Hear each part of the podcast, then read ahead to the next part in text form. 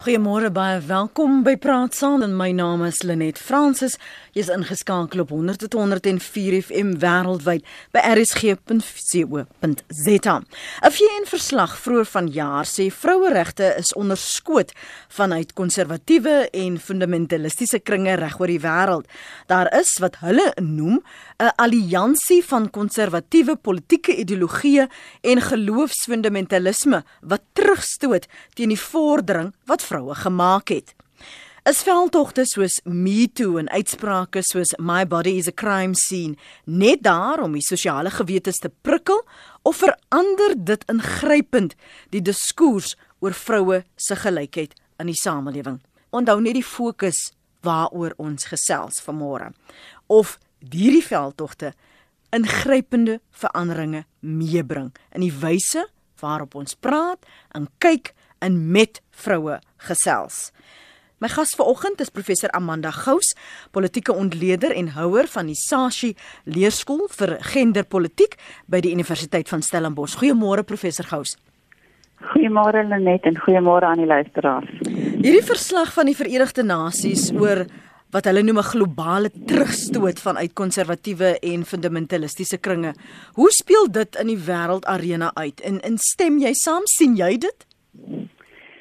Wel ek dink wat waarna ons moet kyk is die die globale kondisies wat ek dink uh, hierdie fundamentalistiese uh, groeperinge moontlik maak. En die die afgelope paar jaar was die die trigger vir hierdie baie van hierdie uh, groeperinge was die grootskaalse migrasie van mense oor die oor die hele wêreld en ook spesifiek na die Syriese krisis na die Arabiese lente in Noord-Afrika.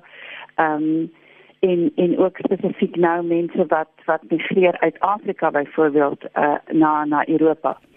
En dit gaan daaroor dat mense voel dat die die hulle eie burgerskap soos wat hulle dit beleef binne die grense van spesifieke lande word bedreig.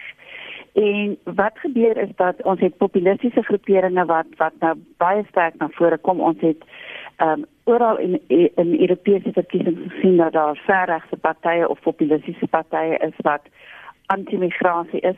Ons het dit twee weke terug in Swede gesien wat absoluut mm. ehm mm. um, buitengewoon is omdat Swede so 'n uh, 'n land is wat so 'n uh, voorstander van gelykheid is. Ehm um, en en hierdie uh, regte groeperinge as ook uh, baie fundamente godsdienstige fundamentalistiese groeperinge.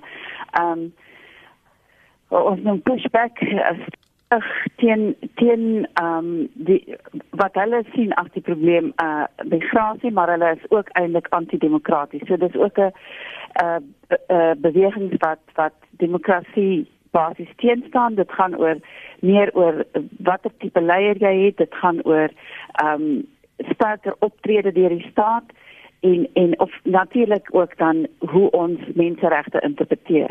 En as ons kyk na die vordering wat oor die bepaalde kades gemaak het gemaak is rondom vrougelykheid dan gaan dit oor die tipe regte wat uh, wat vrouens nou kan uh, toegang toe het dat hulle kan hulle regte um, eis en um, ook dat godsdiens uh, baie meer kompromieë moet aangaan om vroue se gelykheid te te akkommodeer.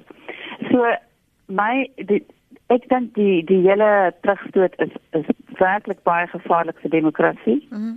Maar dit is ook baie gevaarlik vir vir vroueregte en dit ehm um, en en en baie van hierdie groeperinge nasionalisties. En nasionalisme sien vroue as die die moeders van die volk en as die die mense wat die volgende ge, geboorte gee aan die volgende geslag burgers. Ehm um, so so vir hulle is dit baie belangrik om die reproduktiewe lewe van vrouens te beheer. Nee, wanneer kan vrouens kinders hê onder watter omstandighede? Ehm um, en vir al die idee van in baie gevalle van gemengde raskinders is nie aanvaarbaar nie. So so nasionalisme speel 'n baie groot rol in die terugstoot en dit dit polisieer vrouens se se seksualiteit en dit uh, polisieer ook vrouens se se reproduktiewe lewe. Hoe speel dit in 'n daaglikse die omgang van van dag tot dag in vroue in 'n werkplek byvoorbeeld of die wat nog uh, op universiteit sit en 'n loopbaan vir hulself wil uitkerwe? Hoe hoe is dit en sien 'n mens die ripple effek daarvan want baie dikwels hoor jy vroue sê maar maar dis daai vroue. Um ek is julle okay hier, um solank ek my besig hou met wat ook al. Dis okay. Help ons om te verstaan of ons kan praat van selfs binne vroue geleedere dat daar kampe is. Ja, daar is verseker. Um, en ek dink ons moet kyk hoe die #MeToo om self daar self toch homself uitspeel.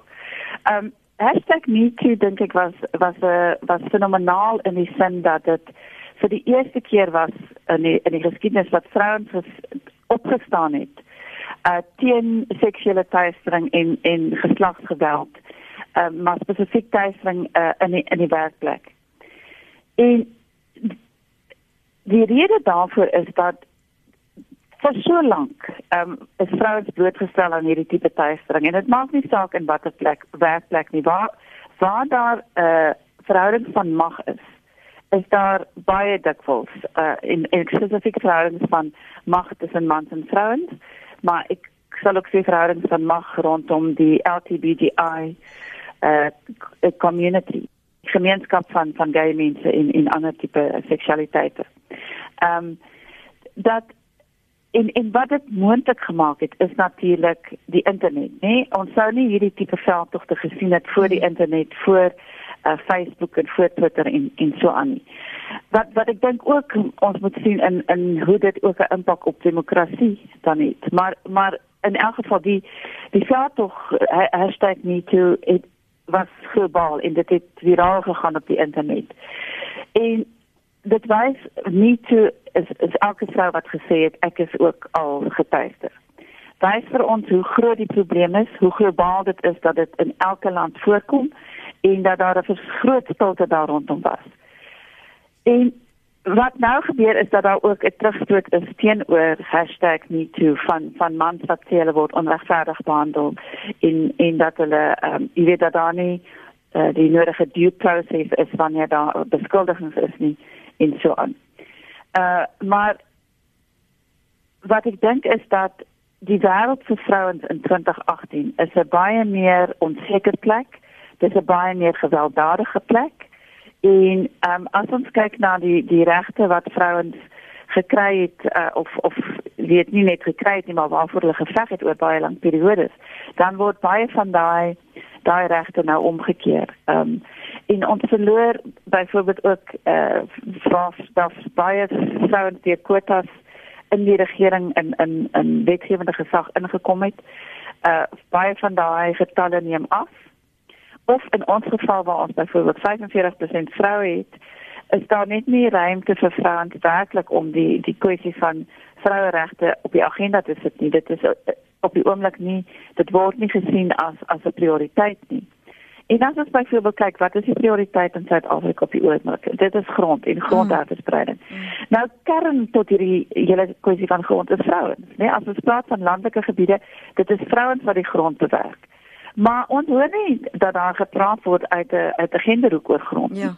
Dit gaan oor, jy weet, grond en hoe almal grond gaan kry, maar maar daai verdeling tussen mans en vrouens en so aan, daar word nie daarna gekyk nie.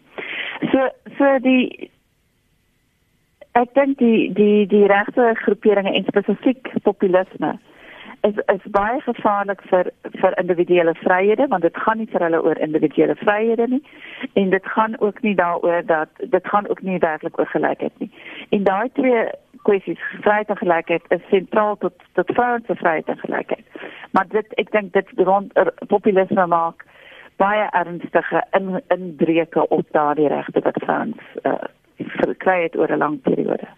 Dis die stem van ons gas professor Amanda Gous, politieke ontleder en uh, sy is die houer van die Saatchi leerstoel vir gender genderpolitiek by die Universiteit van Stellenbosch. Ons praat vanoggend spesifiek of veldtogte soos Me Too, uitsprake soos My body is a crime scene, die agtergrond, die uitbarstings, ehm um, so uitbarsting gaan ek in aanhalingstekens sit van Serena Williams op 'n tennisbaan of dit die sosiale gewete is. Prik ontwikkel? Is dit daar net vir vertoon is of verander dit ingrypend wat ons sê en praat en die verandering as ons praat oor vroue se gelykheid in die samelewing. Jy's welkom om saam te gesels 0891104553. Ek sien Salie in die Weskaap het reeds vir my 'n SMS gestuur na 45770. Elke SMS kos jou R1.50. Ons gaan nou-nou daarby kom. Wat maak jy professor Gous van hoe die die sommige noem dit 'n onderhoud, sommige sou sê dis 'n um, kruisiging van Brett Kavanaugh regter Brett Kavanaugh op die oomblik daar in Amerika.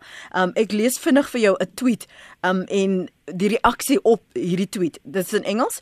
Um pundit saying that Blasey Ford, Dr Blasey Ford's testimony is more resonant because unlike Anita Hill who projected strength and poise, Blasey Ford projected vulnerability.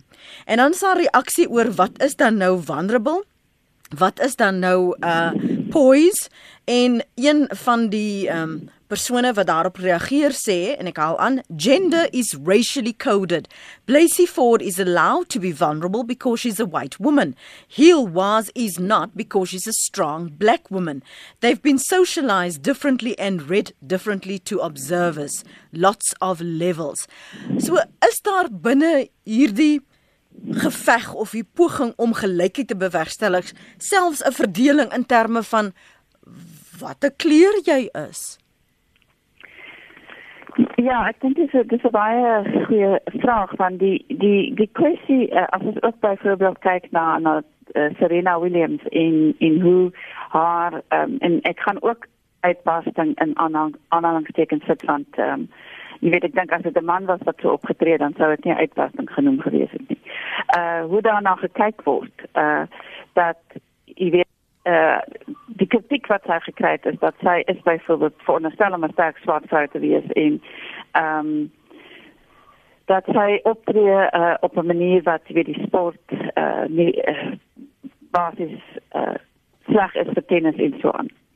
Maar die punt is dat wat vroue en swart vroue word definitief verskillend uh, geposisioneer en en swart vroue het eenvoudig hulle hulle het wat ons noem die die die double burden. Hulle as ons praat van die interseksionaliteit tussen identiteite. So hulle is nie net vrouens nie maar hulle ras speel ook 'n baie 'n uh, groot rol.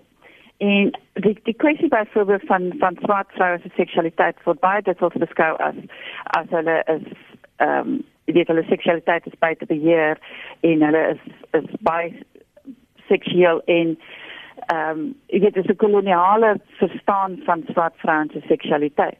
Terwyl dit vrouens word gesien as soos eh, die argument dan gemaak word as weerloos, hulle moet beskerm word. Ehm um, en uh, jy weet in in die mense wat hulle eintlik moet beskerm is mans. Maar die punt is dat die die gender en die ras uh hoe dit dit self uitspeel. Ehm um, het alles te doen met hoe daarna vrouens gekyk word in vers verskillende kontekste. Ehm um, Williams sê vir dat maak die argument dat dat sy daai uitpassing het gegaan oor die feit dat vrouens op die tennisbaan anders behandel word as mans.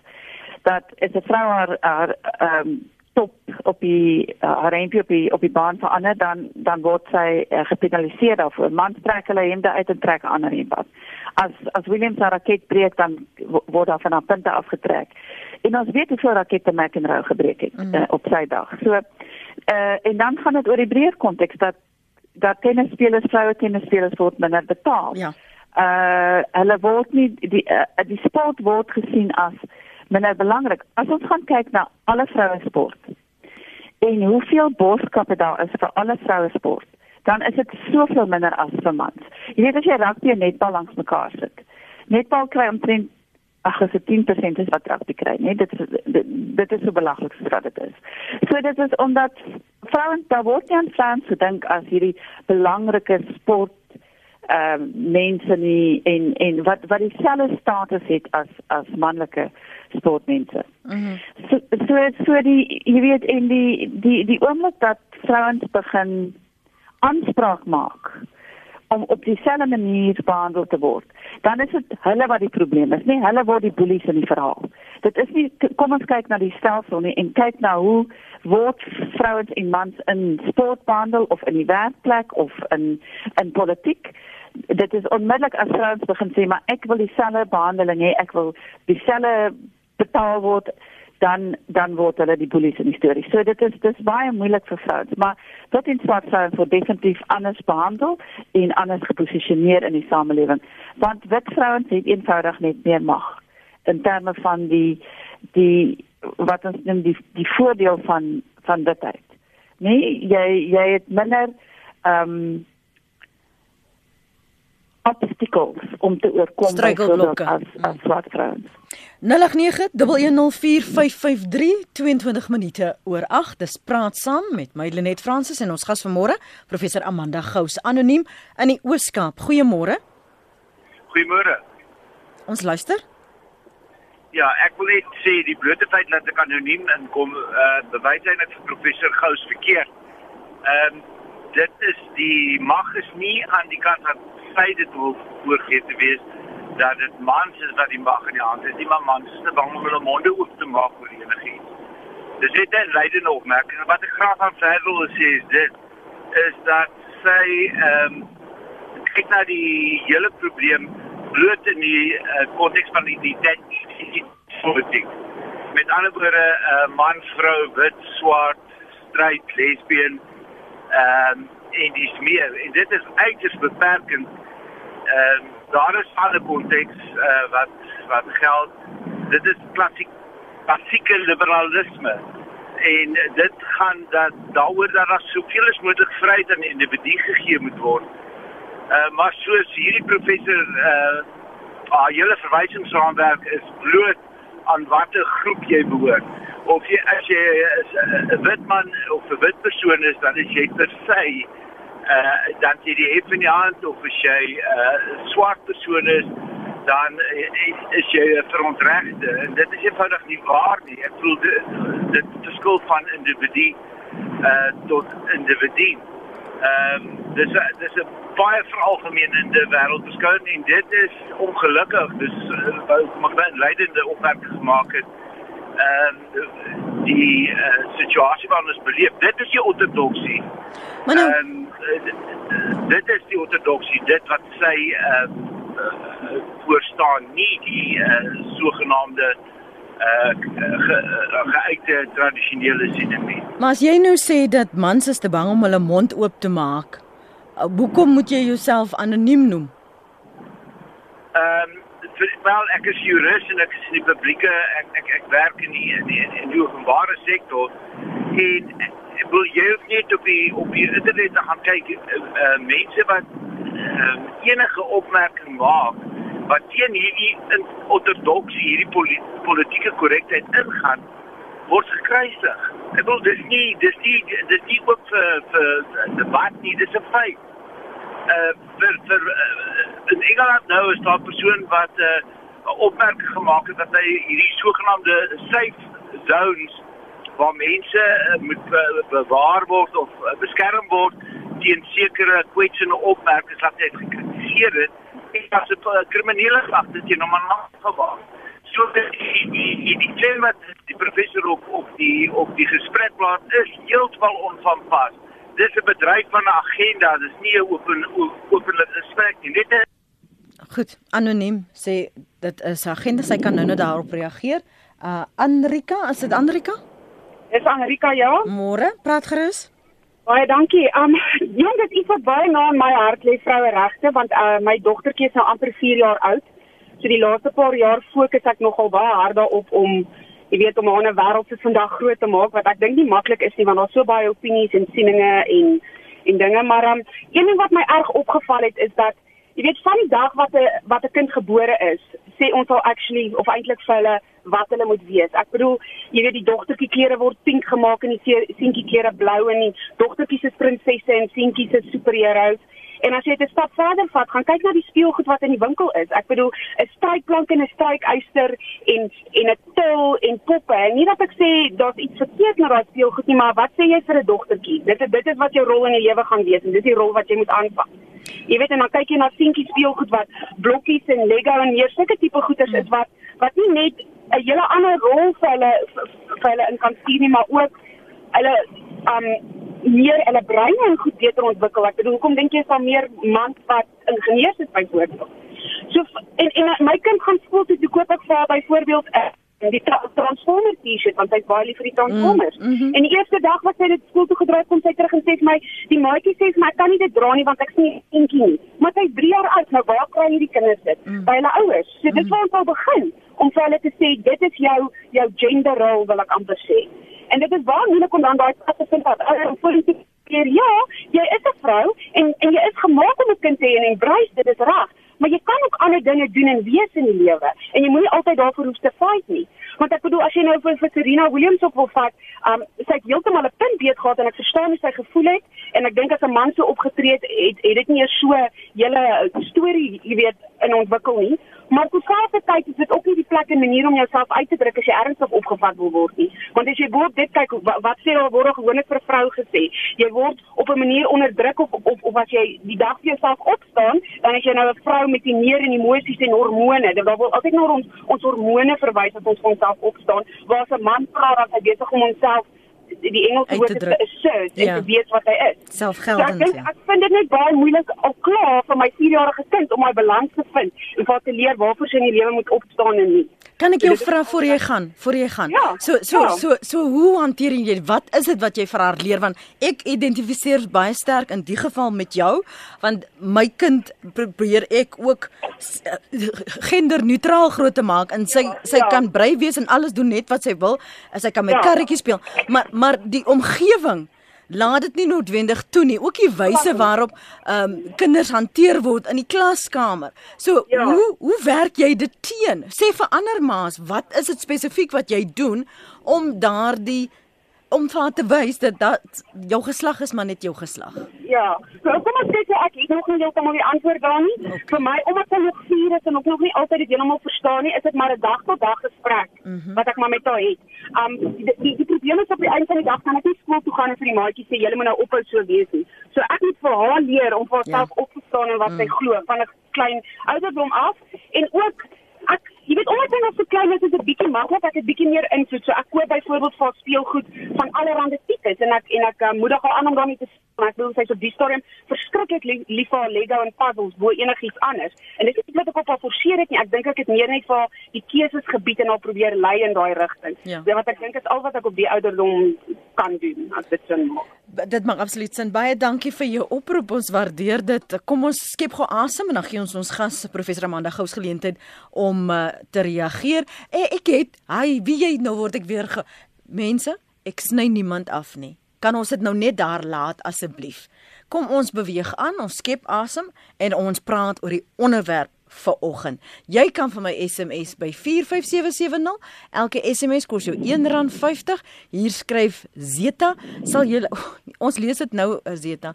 Waarom beklemtoon julle nie die grasie waarmee die jong meisie wat Serena gewen het, haar oorwinning met 'n traan moes vier? Die ma soos ek wat seuns soos gentleman grootgemaak het, neem eksepsie teen die diskriminasie nou teen ordentlike mans.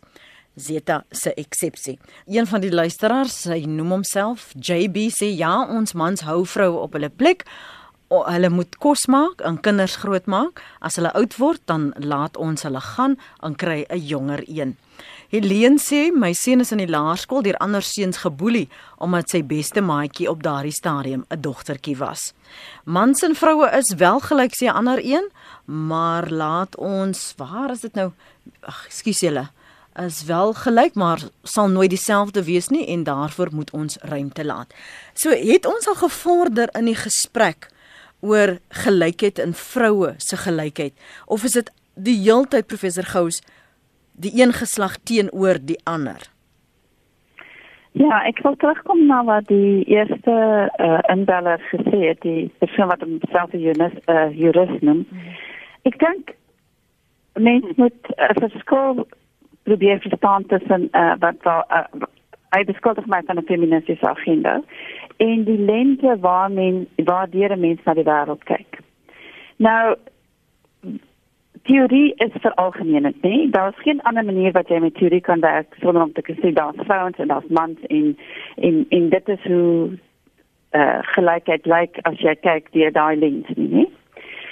Die die die probleem is dat ehm um, wat wat nie verstaan word nie is dat ons praat hier van strukturele probleme, nê? Dit is nie dit gaan nie oor individue nie. Dit gaan oor hoe individue eh, struktureel geposisioneer word as gevolg van ehm um, patriargie. Nee, alle samelewings is patriargaal en dit beteken dat mans mag het. Hulle het in in die algemeen meer mag as vrouens. Ehm um, dit is hoekom jy hoekom is die meeste mense in in die politieke wêreld mans? Hoekom is die meeste CEO's in Suid-Afrika mans? Daar's net 7% vrouens. Mhm. Ehm um, ek kan 'n hele lys van goed opnoem, maar dit beteken dat daardie onsigbare voordele wat patriargie vir mans gee, is wat hulle op 'n sekere manier posisioneer en is wat vrouens op 'n sekere manier posisioneer. So en daaruit vloei voort die uh, strukturele diskriminasie. Dit is waarvan Serena Williams gepraat het, die feit dat tennis vrouens op 'n sekere manier behandel en nie mans nie. En ek vra myself altyd die vraag, hoekom word mans so voel hulle moet verdedig wanneer ons oor hierdie goed praat? Dit gaan daaroor om 'n begrip te skep Hierdie persone sê juris, het hy homself al die vraag afgevra, hoekom is daar so min vroue regters? Hoekom is dit so gesukkel om vrouens in die regsprofessie bevorder te kry? Dit gaan ook daaroor wat in die hof gebeur as jy byvoorbeeld 'n uh, 'n verkrachtingssaak hanteer, né? Vrouens se se se aan die storie verkrachting word onmiddellik verdag, né? Maak sy hierdie storie op praat sy die waarheid. Ons is net te gaan kyk wat met Quincy gebeur het in die Zuma mm. verkrachtingssaak. Mm. So, jy weet, ek dink dit is hoekom vrouens wil nie eens meer verkrachting aanmeld nie. Ek maak net die die verkrachtingsstatistiek van hierdie jaar se verkrachtingsstatistiek is oor oor die 49000 aangemelde verkrachtings. Ek maak dit nie op nie. Dis die werklikheid. So om om vir my te sê ek het 'n agenda, beteken die persoon hoor nie wat ek sê nie. Jy hoor nie wat ek sê wat gebeur met vrouens in 'n spesifieke konteks waar patriargie magsverhoudings uh, bepaal nie. Ehm um, so so ek dink dit is belangrik dat ons dat, dat ons daar daaraan dink en dink ook byvoorbeeld as jy met 'n gender neutral lens in die hof gaan staan. Hoeveel goed mis jy nie mhm. as jy nie verstaan dat die konteks is waaruit 'n vrou kom en die konteks waaruit 'n man kom nie. Ehm um, Arika. Nou, Herhaal net weer my jou vraag. Ehm um, Anrika is 'n se verwysing. Ek het gevra of ons vordering gemaak het en is dit 'n geval waar dit tog altyd is mans die een geslag teenoor die ander wanneer ja. ons praat oor gelykheid? Ja, ek meen ek dink dit is wat ek nou net met mm. met my met my respons probeer sê, want ehm um, uh, en en en daarby wil ek byvoorbeeld indruk die die ehm um, punt wat gemaak is deur die moeder wat gesê het maar sy het haar seuns ordentlik groot gemaak. En dit is die belangrike ding is dat hierdie mans is is bondgenote, hulle is allies, né? Nee? Maar hulle moet ons moet dit kan sien. Nou, ek kyk byvoorbeeld nou wanneer die studente ehm um, 'n opmars het teen seksuele teistering en verkrachting. Hoe min man studente neem deel? Hulle dink dit is nie hulle probleem nie. Hulle mag ordentlik wees. Hulle is heel moontlik nie verkragters nie. Maar hulle dink, "Wel, ek is nie deel van hierdie probleem nie, so hoekom moet ek deelneem aan 'n aan 'n opmars?" En dit is presies die probleem. Dat die oordentlike man praat nie met die mans wat verkrag nie. Die oordentlike mans maak nie die mans wat seksistiese en rassistiese grappe maak stil nie en sê dit is nie aanvaarbaar nie. Dit word elke keer die die verantwoordelikheid van die slagoffer om daai werk te doen. En dit is hoekom ek dink ons kan nie net agteruit sit en sê ek het my my seuns goed groot gemaak nie. Ons moet ook vra wat doen daai seuns om die situasie rondom in hierdie land byvoorbeeld geslagsgeweld te verander. Ehm um, en en dit gaan terug na die kwessie van sosialisering wat genoem is. Die feit dat dit op so vroeë ouderdom begin. En ek wil net vir die indellers sê as jy aanhou om om jou dogtertjie bewus te maak daarvan dat dat dit nie weet dat hier nie so belangrik is nie. Gaan sy aan die einde van die dag iemand wees wat 'n bewustheid daarvan het en wat nie gaan inkoop in hierdie rolle nie. En dis wat met my twee dogters gebeur het. Ehm um, ek het hulle nie doelbewus as feministe groot gemaak nie, maar hulle was baie bewus van my siening van die wêreld. En hulle is vandag ook feministe. En en ek dink dit is dit is hoekom dit gaan nie oor mans teen vrouens nie. Dit gaan daaroor dat daar dat mense hulle self in 'n sekere posisie vind in in die, in 'n sosiale konteks. En die enigste manier wat ons tot op hede daarmee gewerk het en ek dink dit begin nou ook verander is om hierdie wat ons noem 'n binêre verhouding tussen mans en vrouens te destabiliseer. Nee, dit kan nie net nie. Daar is ander genders, daar's mense wat ja, uh, wat ons ja. noem gender non-conforming is, ja. daar's trans mense, daar's intersex mense. So ons moet kyk hoe almal eintlik uh, geposisioneer is en mm. dit is wat ons noem interseksionaliteit. Hoe word mense se identiteite as as jy byvoorbeeld swart landelike vrou is en ek is 'n wit professionele ehm um, middelklas vrou ons wêrelde is heeltemal verskillend. So ons kan nie eintlik sê ons ervaar diskriminasie of ongelykheid op dieselfde manier nie. So ons moet ook 'n bewustheid hê van hoe interseksionaliteit mense posisioneer en en daarvolgens moet ons probeer om intervensies te kry om ongelykheid aan te spreek. Hmm. Jan is in Belwel en hy's op lyn 4 dink ek. Jan, môre? Môre Lenet en môre die ander dame. Professor Gous. Jy het 'n span vir die gesprek, julle twee. Eerstens wil ek begin by Sarina wat Tina is Hallo, hoor jy nou? Ja, ja, maar jy jy jy jy kom en gaan so jy breek bietjie op jou lyn. O, oh, wag ek moet vas op die foon. Jy wil begin by Serena. Ja, kyk, die eerste plek is sy's 'n vrou. Dit tel teen haar. Sy's baie goed in haar spel, dit tel teen haar. En sy's swak, dit tel teen haar. En dat sy nog mooi ook. Dis die mense kan nie dit hanteer nie dat een persoon so goed kan wees nie. Ek kyk soos McEnroe.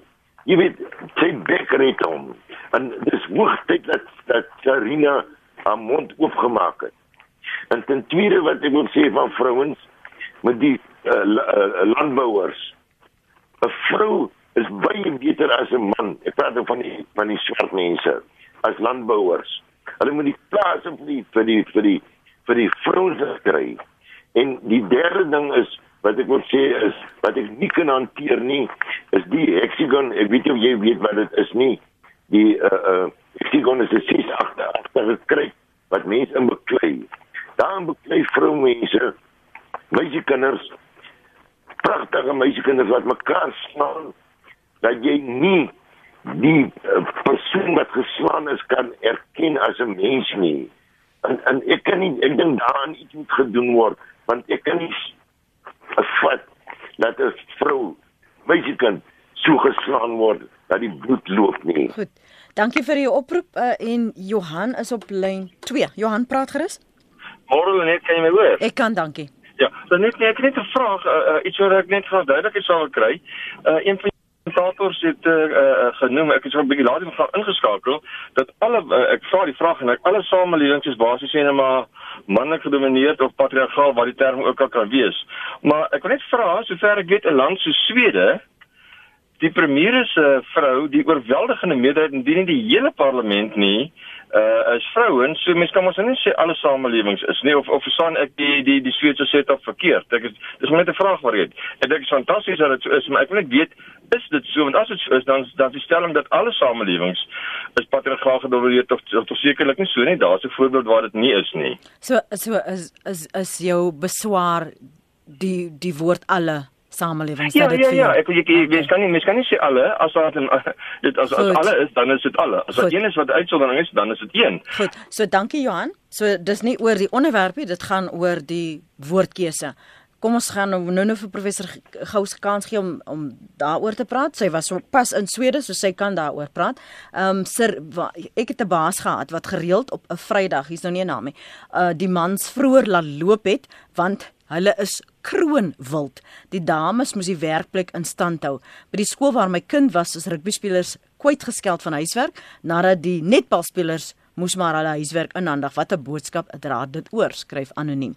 En nog 'n een sê Ek het my bestuurder gevra hoekom hy net heeldag sit en gesels en dan word hy myle meer as ek betaal.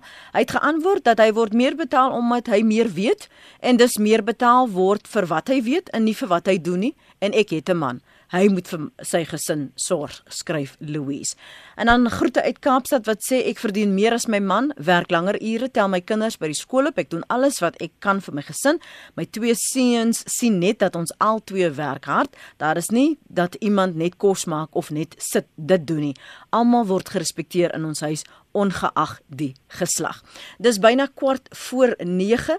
Ons kom nou terug en dan praat ons verder saam en ek gee vir uh, professor Gous die geleentheid om te reageer op wat ons luisteraars tot dit vers sê. As jy laat by ons aangesluit het en dalk ook net grepe gehoor het van gesprekke of kommentare, dan uh, wil ek jou verwelkom, maar ook sê ons praat spesifiek vir oggend of veldtogte soos Me Too die sosiale gewetes van die samelewing prikkel is dit 'n nice to have is dit maar net vir 'n oomblik soos ons elke jaar praat oor internasionale vrouedag of 16 dae van aktivisme of verander dit ingrypend die diskurs die vordering wat gemaak word oor vroue en hul gelykheid in die samelewing.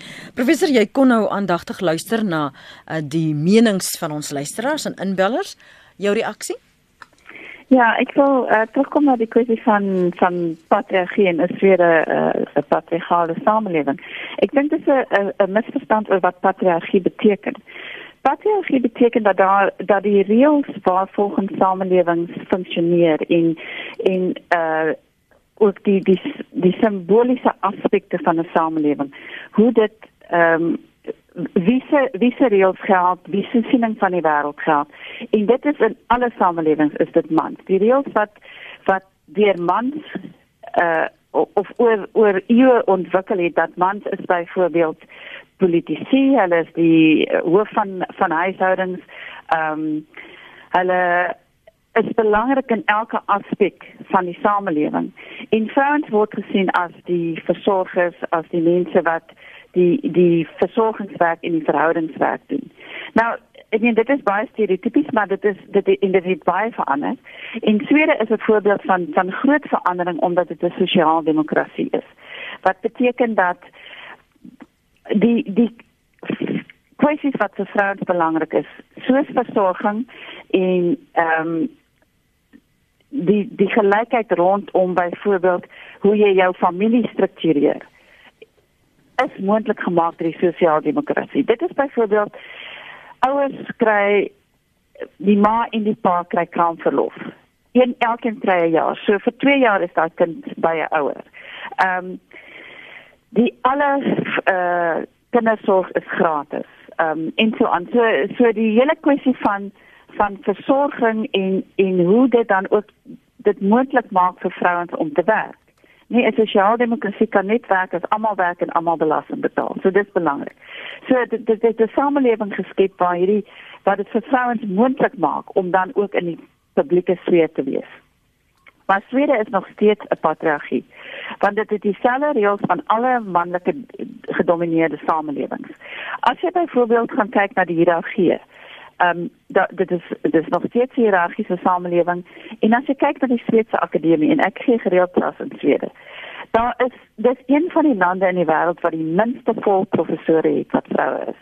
Nou vra jy jouself hoe is dit moontlik? Maar dit is weer eens die idee dat vrouens is eenvoudig net nie sulke goeie akademici soos mans nie. En daar's baie mense aan die einde van hulle loopbaan kom wat uitstekende werk gedoen het wat 'n vol professor is. So so dit dit wys vir ons hoe jy weet jy moet na elke sektor van die samelewing kyk om die patriargie te verstaan, maar alle samelewings is manlik gedomeineer. As ons praat oor die pad vorentoe. Ek sien o nee, hier is 'n luisteraar wat saam wil gesels ons hoef dit is maar die laaste inbeller maak. Dis Driesen hè? Driesen, môre? Ja. Praat gerus asseblief. Ja. Ons ons praat oor energie, ek en jy. O. Ek wil vir jou sê, as dit nie vir my ma was nie, het ek nooit die hoogtepunte bereik van waar ek is nie. Mans en vrouens is nie dieselfde nie. 'n Man is 'n man, 'n vrou is 'n vrou. Maar as dit nie is vir die dryfveer van 'n vrou en die aanmoediging van 'n vrou soos by ma was nie dan net hierdie man nooit waar hy is. So, dit is totaal onsin om te sê en vrouens is gelyk. Ons is nie gelyk nie, ons is anders. Maar terwyl ons anders is, is ons ook dieselfde. Ons ons het net verskillende rolle wat ons speel. En mans weet dit. En vrouens moet daarvoor erken word. Ek is 'n man, ek beskerm my vrou. Is, is jy nou klaar Driesen? Ja, dis wat Okay. ek wil sê. Goed. Ek ek wil sê 'n man kan nie 'n man wees nie, dis nie waar 'n vrou is nie. En 'n vrou kan nie 'n vrou te regte kom nie. Jy sê die man verstaan wat die vrou se rol is. Goed. Goed Driesen, dit klink asof jy iewers in die wind staan. Ehm um, jy's nou ook klaar, né? Ja, hy hy is nou blykbaar klaar. Kom ons um, gaan vanoggend afsluit professor Gous, um een van die luisteraars baie wat ons het inlopende menings, maar daar was een spesifieke een um, wat verwys het na sy's 'n beroepsvrou, sy's 63 en sy is in haar werkplek onlangs hardhandig behandel en klink vir my rondgestoot en sy moet nou na die KBVA toe gaan vir 'n sitting, die CCMA. En en sy's angstig want dit is meestal mans wat nou teen haar gaan getuig sê sy. Ek dis die indruk wat ek kry en wat daar sit. En sy weet nie hoe- sy is bekommerd dat sy uitgelewer gaan wees om dit op te som. Wel, ek sou sê dat as dit moontlik is, ek is nou nie heeltemal seker hoe die CCMA se reëls werk nie, is dat sy iemand met haar saamneem. Uh en en verkieslik 'n ander vrou wat wat die die magsverhoudings in daai spesifieke werkplek verstaan. Want ek dit dit is baie keer gaan dit oor hoe hoe mans die situasie interpreteer versus hoe vrouens dit interpreteer. Ehm um, maar hardhandige optrede is is totaal onaanvaarbaar. So jy weet en, en dikwels is daar nie getuies nie. Dit is natuurlik die ander probleem. Maar ek sou sê iemand wat as hy iemand sou kon saamneem wat wat jy weet uh, net net ook haar kant uh verder kan kan verduidelik want ek dink dit is dit is juist die probleem as jy so jy voel so uitgelewer as jy alleen moet gaan. Hier is e- een wat wat wat nou weer jy sien sien sien uitspeel is in in hierdie Brett Kavanaugh geval van getuienis en en um Dr. Ford se getuienis dat die trant van baie van die SMS'e, uh, die skus tog die tweets verwys na vir wie moet jy nou eintlik glo? Um en nou is daar weer hierdie geval van die vrou wat slagoffer is wat haarself moet verdedig teen wat uh, beweerde oortreders sê en hoe dit geïnterpreteer word want die meerderheid wat daarna luister is, is mans. As ons hierdie gesprek verder wil neem en jy het net al gepraat en jy die woord be, begrip skep gebruik. Hoe skep jy begrip? Dit klink asof die taak elke keer op 'n vrou se se hande lê om mans te moet help verstaan waardeur hulle gaan, om begrip te moet skep vir waardeur hulle gaan, om hulle self te moet posisioneer en moet verduidelik en verduidelik en verduidelik.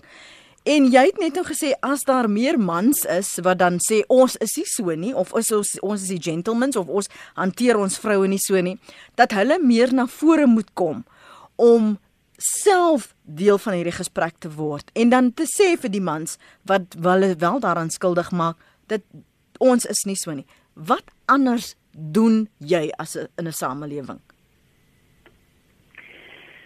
Ja, jy weet ek dink dit is dit is natuurlik eh uh, die die groot vir my die groot vraagstuk is is hoekom moet ons mans opvoed, nê? Ehm um, en ek dink #MeToo en #InTradeCulture was juist om te sê ons is moeg daarvan om te sê wat met ons gebeur. Hoe ons getuister word uh, waar waar mense ook nie kan sien hoe ons getuister word nie. Nee, dit dit was die ek dink die die belang van van hierdie selftogtes om te sê dit gaan aan en dit gaan die hele tyd aan. Maar dit beteken nie dat ons sê jy weet mans moet onregverdig behandel word nie.